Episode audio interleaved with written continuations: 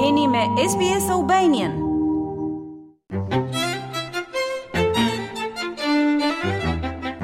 Valët e të nxehtit po godasin shtete dhe territore të ndryshme në të gjithë Australinë këtë verë. Dhe tani disa ekspertë mjekësorë kanë zbuluar pse disa njerëz përballen ndryshe me motin e nxehtë. Të ndjekim raportin. A e keni pyetur ndonjëherë veten pse disa njerëz djersiten më shumë ose më pak se të tjerët? Apo pse një mik duket se e përballon më mirë se sa ju motin e nxehtë?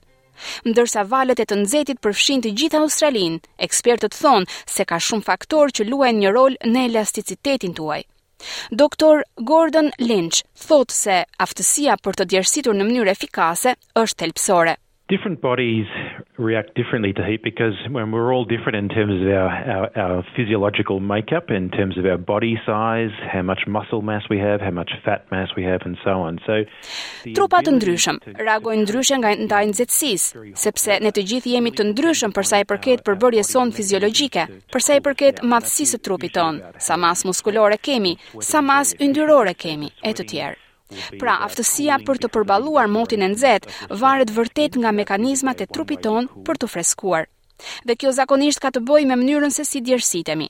Djersitja sjell freskim për shkak të avullimit të djersës në lëkurë, është mënyra e organizmit për t'u qetësuar nga vapa.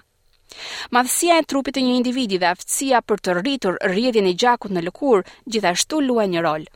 And the other way we cool our body is how we increase blood, blood flow to the skin. So when we're exercising, uh, there'll be blood flow moving towards the skin and naturally because of that our, um, our muscles are working so our heart rate increases as well. So our body is responding to the environment.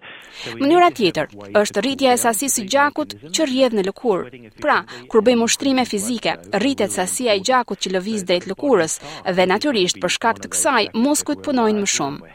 Pra, rriten edhe rrahjet e zemrës. Ky është trupi ynë që i përgjigjet mjedisit. Kjo është një mënyrë tjetër se si trupi ndihmon në vetëfreskimin. Përmasat e trupit janë faktori tjetër. Nëse jemi më të mëdhenj dhe më të rëndë, të gjithë mekanizmat e ftohjes priren të jenë më pak efikase, kështu që moti i nxehtë mund të jetë shumë sfidues për njerëzit e rëndë dhe mbipeshë. Profesor Paul Gregorevic thotë se fitnesi aerobik dhe gjenetika ndikojnë në aftësinë për të ulur temperaturën e trupit. Ai thotë se një dietë e shëndetshme dhe ushtrimet fizike janë thelbësore.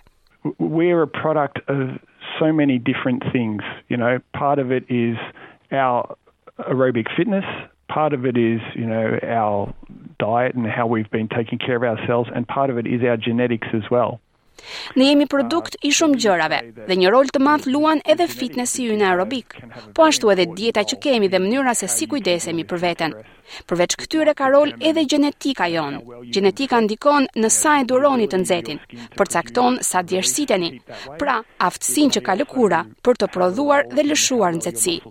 Pra ne jemi një produkt i shumë faktorëve të ndërlikuar që ndërveprojnë të gjithë me njëri-tjetrin në mënyra që ne ende nuk i kuptojmë plotësisht, thotë ai.